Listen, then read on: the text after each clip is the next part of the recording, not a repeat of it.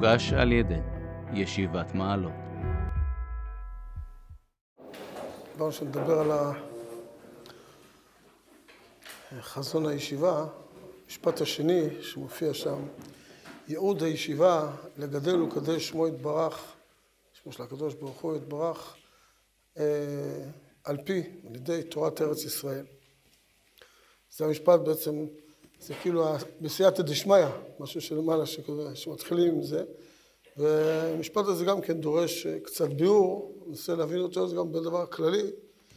אה, העניין ששמו של הקדוש ברוך הוא, הוא בעצם, אפשר להגיד, זה העולם. העולם הוא שמו של הקדוש ברוך הוא, ומצוות, אה, יש מצווה שקשורה לעניין הזה, מצוות קידוש השם.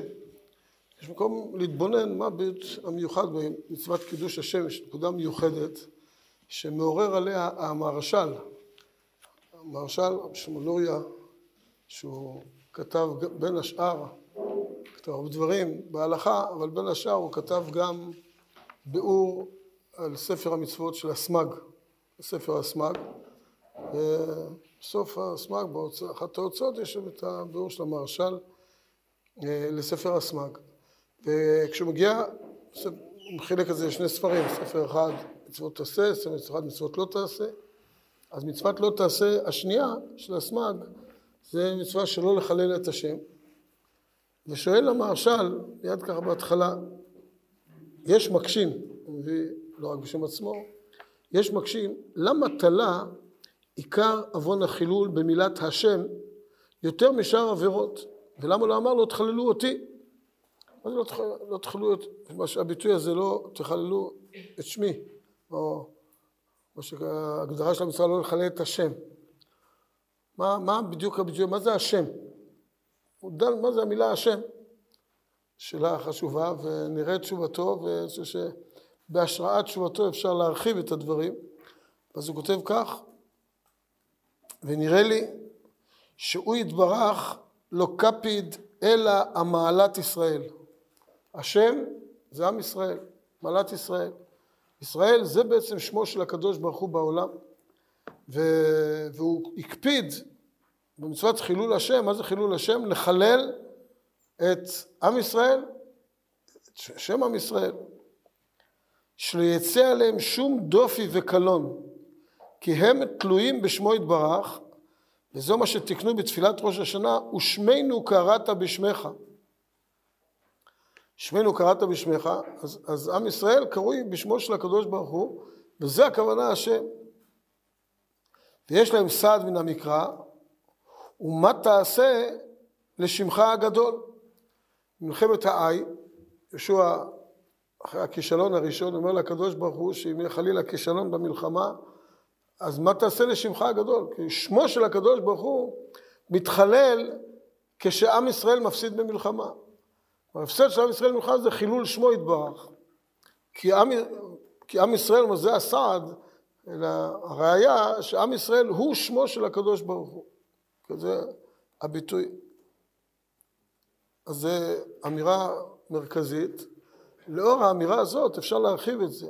כי בעצם יש עוד דברים שנקראים שם השם, ששם השם קרוי אליהם. למשל, שמך נקרא על עירך ועל עמך. אז גם עם ישראל, כבר הזכיר, גם עירך, ירושלים, ארץ ישראל כולה, היא גם מבטאת שמו של הקדוש ברוך הוא, שמך נקרא. עוד דבר שנקרא שם השם, התורה. התורה היא שמותיו של הקדוש ברוך הוא, ואחד המקורות ללימוד ברכת התורה מן התורה, מאיפה לומדים? כי שם השם אקרא, אבו גודל אלוקינו. התורה היא שם השם, כי שם השם אקרא, כשאני קורא בשם השם, אומר משה רבנו, כי שם השם אקרא, אבו גודל אלוקינו. כלומר, שם השם זה התורה. אולי זה אפילו יותר מובהק מכל הדברים האחרים. וממילא חילול שם השם זה חילול התורה, ביזוי התורה, ביזוי עם ישראל, ביזוי ירושלים וארץ ישראל. אלה הדברים שהם נקראים חילול השם. וממילא בכלל, כמו שהרמב"ם מגדיר את זה, על פי חז"ל, על פי הספרה, הרמב"ם מגדיר שקידוש השם הוא הפך חילול השם, כמו חז"ל אומרים, בכלל שנאמר לא תחללו, שומע אני קדש, ככה כתוב בספרה. ורמב"ם מגדיר את זה ככה בתוך המצווה עצמה, הוא כותב שזה ההפך. כל שנים חילול, הפוך זה קידוש השם. ומחילול השם אנחנו לומדים על קידוש השם, שקידוש שמו יתברך, לגדל ולקדש שמו יתברך, זה לגדל את שם עם ישראל, לגדל שם ארץ ישראל, ולגדל את התורה. זה בעצם האמירה הזאת של שמו של הקדוש ברוך הוא, לגדל ולקדש שמו של הקדוש ברוך הוא. זה, זה שמו של הקדוש ברוך הוא, בכיוון, כן, בהשראת המהרש"ל, הוא לא היה אומר, היינו אומרים בצורה פשוטה, מדובר על הקדוש ברוך הוא, מדובר על הקדוש ברוך הוא, ולא מעבר לזה. המהרש"ל פותח לנו פתח, הוא אומר שביטוי של השם זה לא קפי דלה מעלת ישראל. אז לאור זה אפשר להמשיך הלאה, כי זה לא נאמר רק על עם ישראל, השם נאמר גם על דברים נוספים, ואז כל הדברים האלה ביחד הם בעצם קידוש השם וחילול השם. והרב ציוד היה תמיד מזכיר את הירושלמי בקידושין. ירושלמי אומר בקידושין, גדול קידוש השם מחילול השם. מה, מה צריך להגיד לנו? זה, זה משפט כזה צריך להגיד, מה שקידוש השם יותר חשוב מחילול השם. זה, הסביר הרב ציודה, את הירושלמי, שהכוונה שעם אותו עניין עצמו, יש לך מציאות מסוימת, שמצד אחד היא גורמת חילול השם, מצד שני היא גורמת קידוש השם, הקידוש השם הוא יותר גדול מחילול השם. גדולה מידת טובה ממידת פורענות.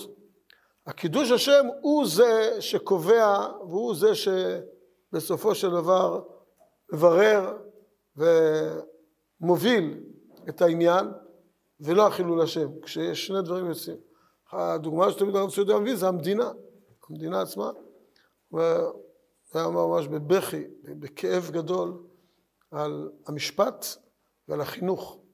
שני הדברים שבמדינת ישראל, אני מזכיר את שני הדברים האלה, החינוך והמשפט, ששני הדברים האלה הם לא ישראלים, הם חילול השם, אני חוזר על זה, חילול השם נורא. הצורה שהמשפט מתנהל והצורה שהחינוך מתנהל.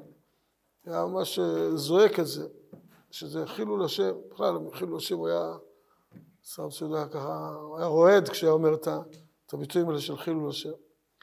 אז חילול השם כבר זה, זה שני דברים נוראים, אבל הוא היה מיד אומר שקידוש השם גדול מחילול השם, שמדינת ישראל, שעם ישראל עוזר לארצו, וצבא עם כל המשמעות של הדברים, זה קידוש השם יותר גדול מהחילול השם. וזה מה שיקבע בסופו של דבר, זה מה שינצח את, ה, את המערכה. הקידוש השם הוא זה שבסופו של דבר יוביל אה, את, ה, את העניין. ולכן מאוד חשוב כל דבר ככה לראות, שמו של הקדוש ברוך הוא זה העולם, אין, אין לנו משהו אחר בעולם, הכל הכל שמו, השם אחד הוא שמו אחד, מצוות ייחוד השם, קשורה מאוד גם למצוות קידוש השם. מצוות ייחוד השם זה בעצם אומר ששמו של הקדוש ברוך הוא, אין, אין דבר בעולם שהוא לא קשור למציאות האלוקית, אין משהו נפרד חלילה מהמציאות האלוקית, הכל הכל בכלל העניין הזה, ולכן זה מה שקובע כל דבר, ואי אפשר לפתוח לא חזון ולא שום דבר בלי, בסייעתא דשמיא, בלי להזכיר שמו יתברך, ברוך השם, נגיד, ששמו של הקדוש ברוך הוא בעצם הנקודה הראשונה. לאור דברי המהרש"ל, אז יש כאן עוד נקודה שעולה גם מאיגרת שהרב קוק כתב, איגרת בעצם האיגרת שהרב קוק עוסק בה בנושא של תורת ארץ ישראל, איגרת צדיק ו', שם גם כן הרב אה, מזכיר את הנקודה הזאת, וגם בעקבות הדברים של הרב, בהשראת הדברים של הרב, גם המשפט הזה אה, נכתב בחזון. איגרת אה, צדיק ו' נכתבה לבית ועד לתלמידי חכמי הוא קבוצת תלמידי חכמים צעירים בירושלים, זה ממש ככה האיגרות יחסית הראשונות, כן, זה בתרס"ח, באיגרות ממש הראשונות, יחסית, שהרב כותב את זה לאותם תלמידי חכמים שהזמינו את הרב לתת שם בנושא של מתנות עניים, והרב לא יכול היה להגיע, אז כשהרב היה ביפו, ואז הרב כותב להם איגרת, מכתב, הדרכה, שהתלמידי החיים האלה יהיו חלקם, זה היה משהו שקשור, גם היה קשור גם לרב ריינס וגם לרב חרל"פ. היו אנשים שהיו, הבינו, אי אפשר להבין, סתם ככה לאנשים בירושלים, הרב קוק לא היה כותב כזאת איגרת, הוא כותב איגרת, הוא הבין, ש, הוא הבין שיש סיכוי שהם יבינו את האיגרת, אז אה, היו שם כמה שכנראה הבינו את מה שכתוב פה באיגרת, כי האיגרת, אה, סתם ככה לאנשים בירושלים, הייתה מגיעה באותה תקופה, אה, לא יודע אם היו עושים עם זה משהו.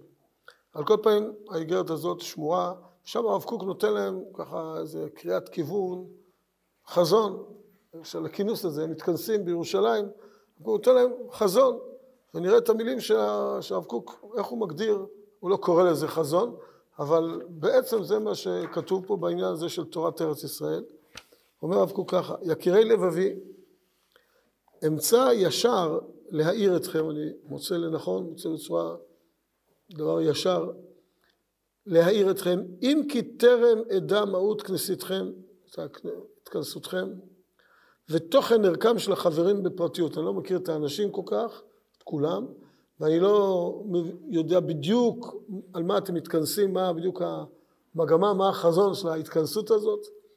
מכל מקום, כגון זה צריך למודעי, צריכים לדעת, כי אם בימינו אלה הנכם מייסדים כנסייה של תלמידי חכמים בעיר הקודש, שעיני כל ישראל אליה, תראו להשתדל לבקש דווקא גדולות ונשגבות. זה קודם כל המשפט הראשון. צריכים שאיפות גדולות. אתם מתכנסים, אתם דרך חיים יחד יושבים, מתכנסים, לא, אין דבר כזה להתכנס ביחד אנשים בלי שיש לכם שאיפות גדולות, גדולות ונשגבות. וממשיך הרב, ככה הוא מגדיר את זה, זו נקודה מאוד חשובה, כל אחד גם לעצמו שיחשוב, שהרב קוק כתב את זה גם אליו, כן, זה, לדרוש גדולות ונשגבות. דורנו הוא כולו דור שואף. זה דור שכולו שאיפות ורצונות. דור שואף, הכוונה זה נראה בסופו של דור שעושה מהפכות, הרבה מהפכות ככה מתרחשות בעולם אה, בדור, באותו דור. דור שואף, ועם השאיפה הריקנית של החורבה והתוהו, כן, של הכפירה, מגבעת עצמה עד מרומי רומים, הם רוצים להפוך את העולם. אפשר לראות בדור שלנו ככה את כל המהפכה הפוסט-מודרניסטית, נגיד, בכיוון הזה, רוצים להפוך את העולם, לא מסתפקים עד המילימטר האחרון.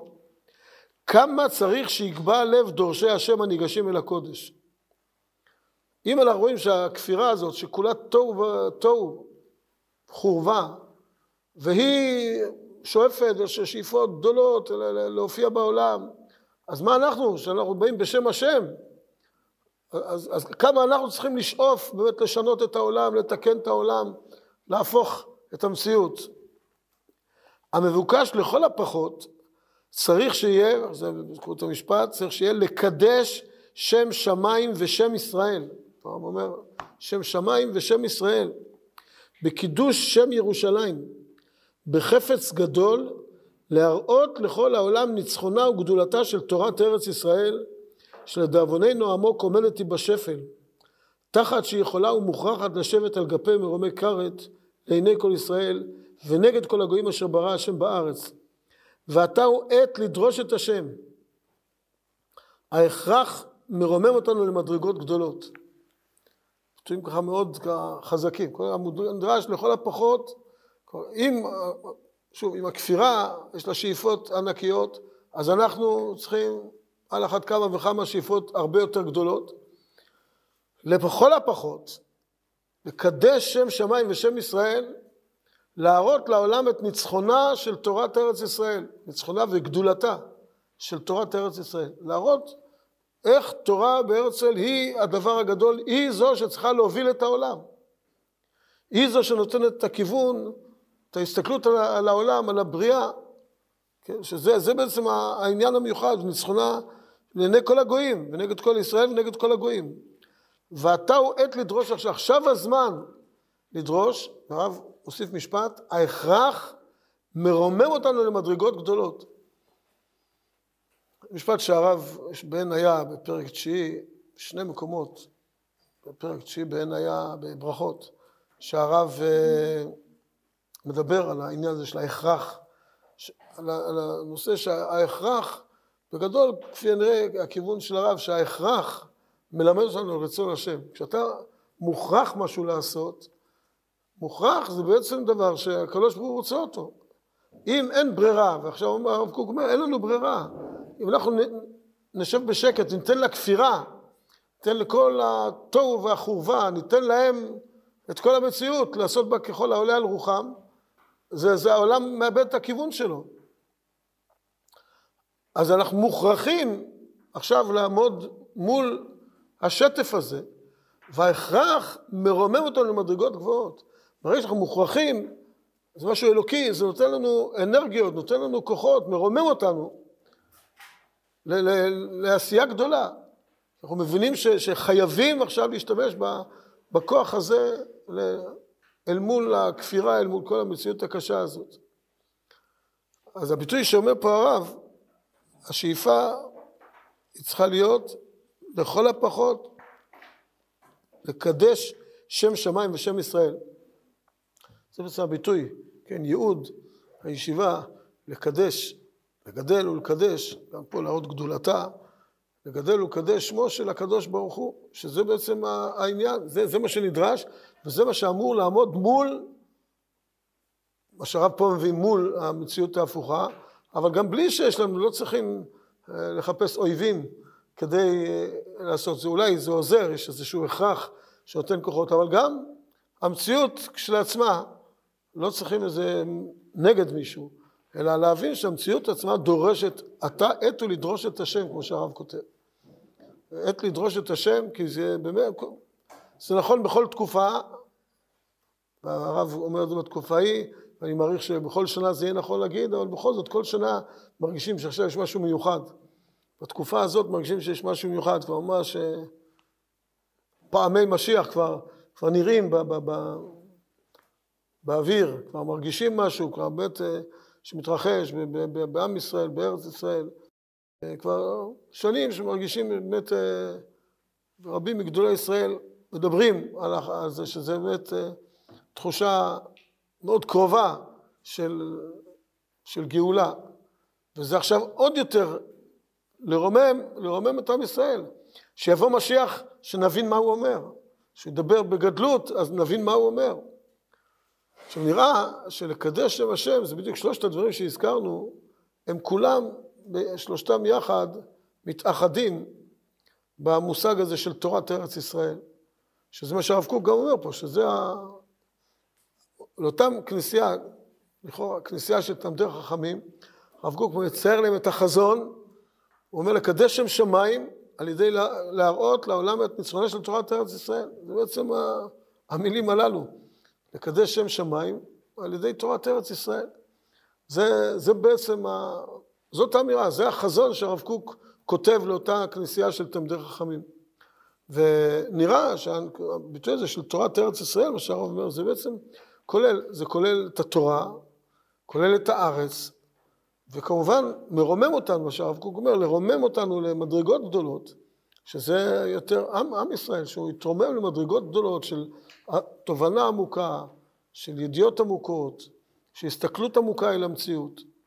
להשפיע על כל עם ישראל את, את, את העומק של תורה, את ההסתכלות העמוקה של תורה על האדם, על העולם, על החיים, שזה זו בעצם, זה הבחינה הזו של קידוש השם, להראות את ניצחונה, שתורת ארץ נותנת לנו מבט עמוק אל המציאות, הסתכלות עמוקה.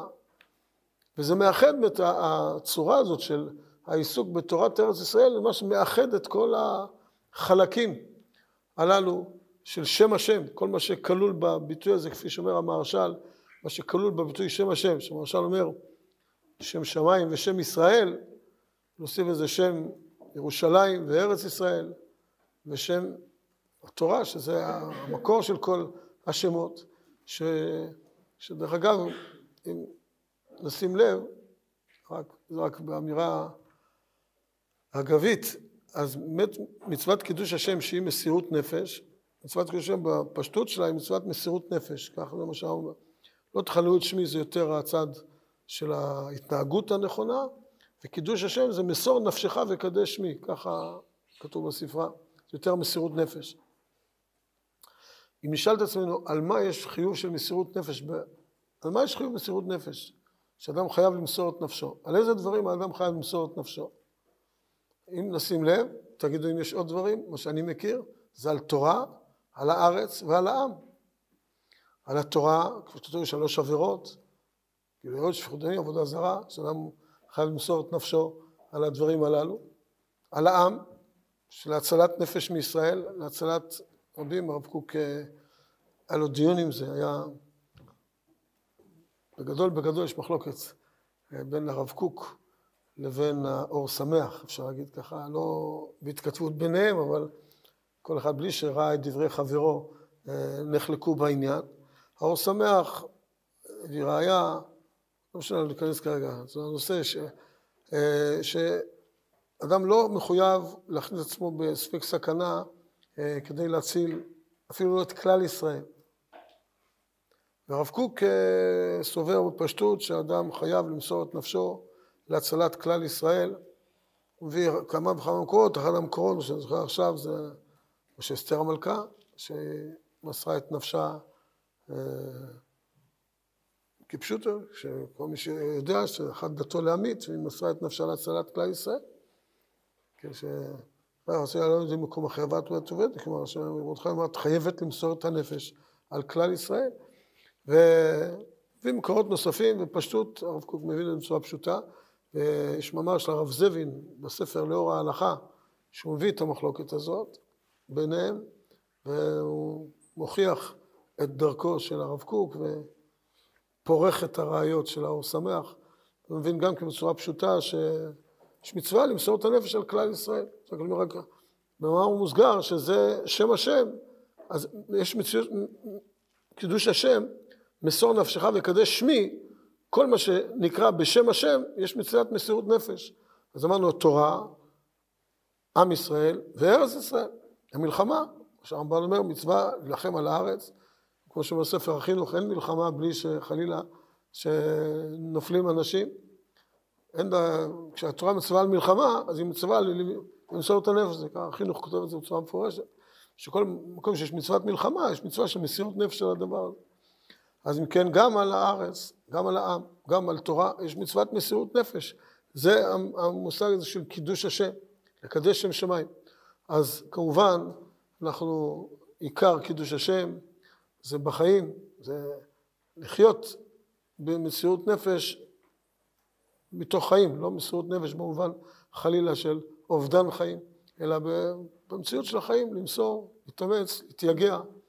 אה, בעניין הזה של מסירות נפש על שלושה דברים אלה, מה שהרב אומר, לקדש, והדברים מתאחדים בעניין של תורת ארץ ישראל. פה מתאחדים, עכשיו זה מרומם את העם, מרומם את הארץ, מרומם את התורה. זה שלושה הדברים האלה יחד, הם, הם אה, מתאחדים בעניין המיוחד של תורת ארץ ישראל.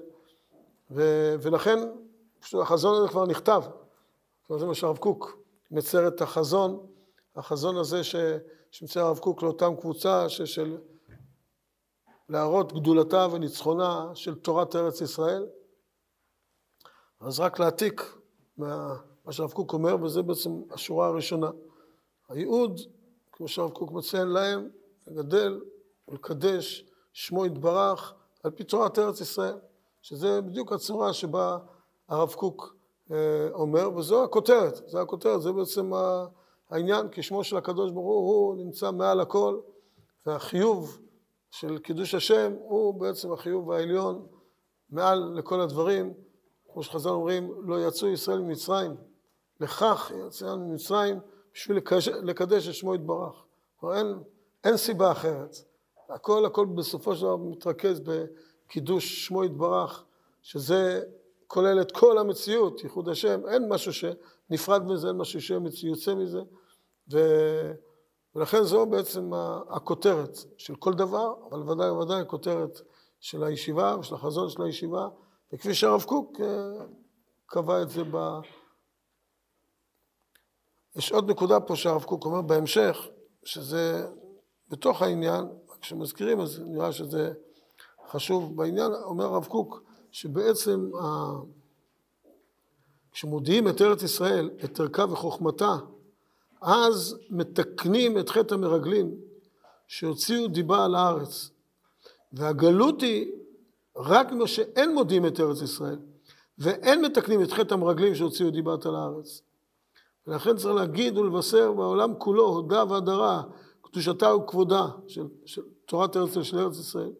והלוואי שנזכה אחרי כל ההפלגות, כולן מצידנו, להביע אף חלק אחד מרבבה, מחמדת ארץ חמדה ומהדרת אור תורתה, ועילוי אור חוכמתה ורוח הקודש המתנוסס בקרבה. כשהלוואי שנזכה משהו ככה קטן, זה דברים באמת אדירים וגדולים, עם שאיפות ענקיות. אז קוק, כדאי לראות את הדברים האלה גם בפנים, הרב קוק מלמד אותנו, כמו שהוא קורא לזה, להיות דור שואף, לשאוף, לשאוף לדברים גדולים, לא להיות אדישים אל המציאות. זה, זה המילים הראשונות. דורנו הוא דור שואף, ו- וחשוב מאוד להיות אדם שואף. אדם שואף, אדם שרוצה להיות בגדלות, להגיע אל המקסימום, מיצוי המקסימלי של האישיות שלו. לנצל את, את כל כוחות נפשו. עכשיו זה דבר שרק, דרך אגב, אני אומר שזה מאוד חשוב להיות מודע לזה. כי היום כל מיני מכשירים למיניהם וכל דברים שמסיחים את תשומת הלב, מסיחים את דעתנו מהשאיפה הגדולה ומהריכוז של כל הכוחות למלא ולהגשים את השאיפה הגדולה. להיות שואפים, להגדיר את החזון ו- ו- ולפעול למימוש החזון. ולא איכשהו ככה לשרוד ולבזבז את הזמן שככה יעברו החיים, השם ישמור ויציל, אלא שבאמת להיות דור שואף, ושיהיה חזון, ושיהיה חיים שממלאים את החזון הזה ושואפים. זה נותן כוחות, בלי שום ספק, זה נותן כוחות אה, גדולים, ובעזרת השם, שהכל יהיה מתוך בריאות, שמחה ונחת, ושפע, ברכה והצלחה, בעזרת השם.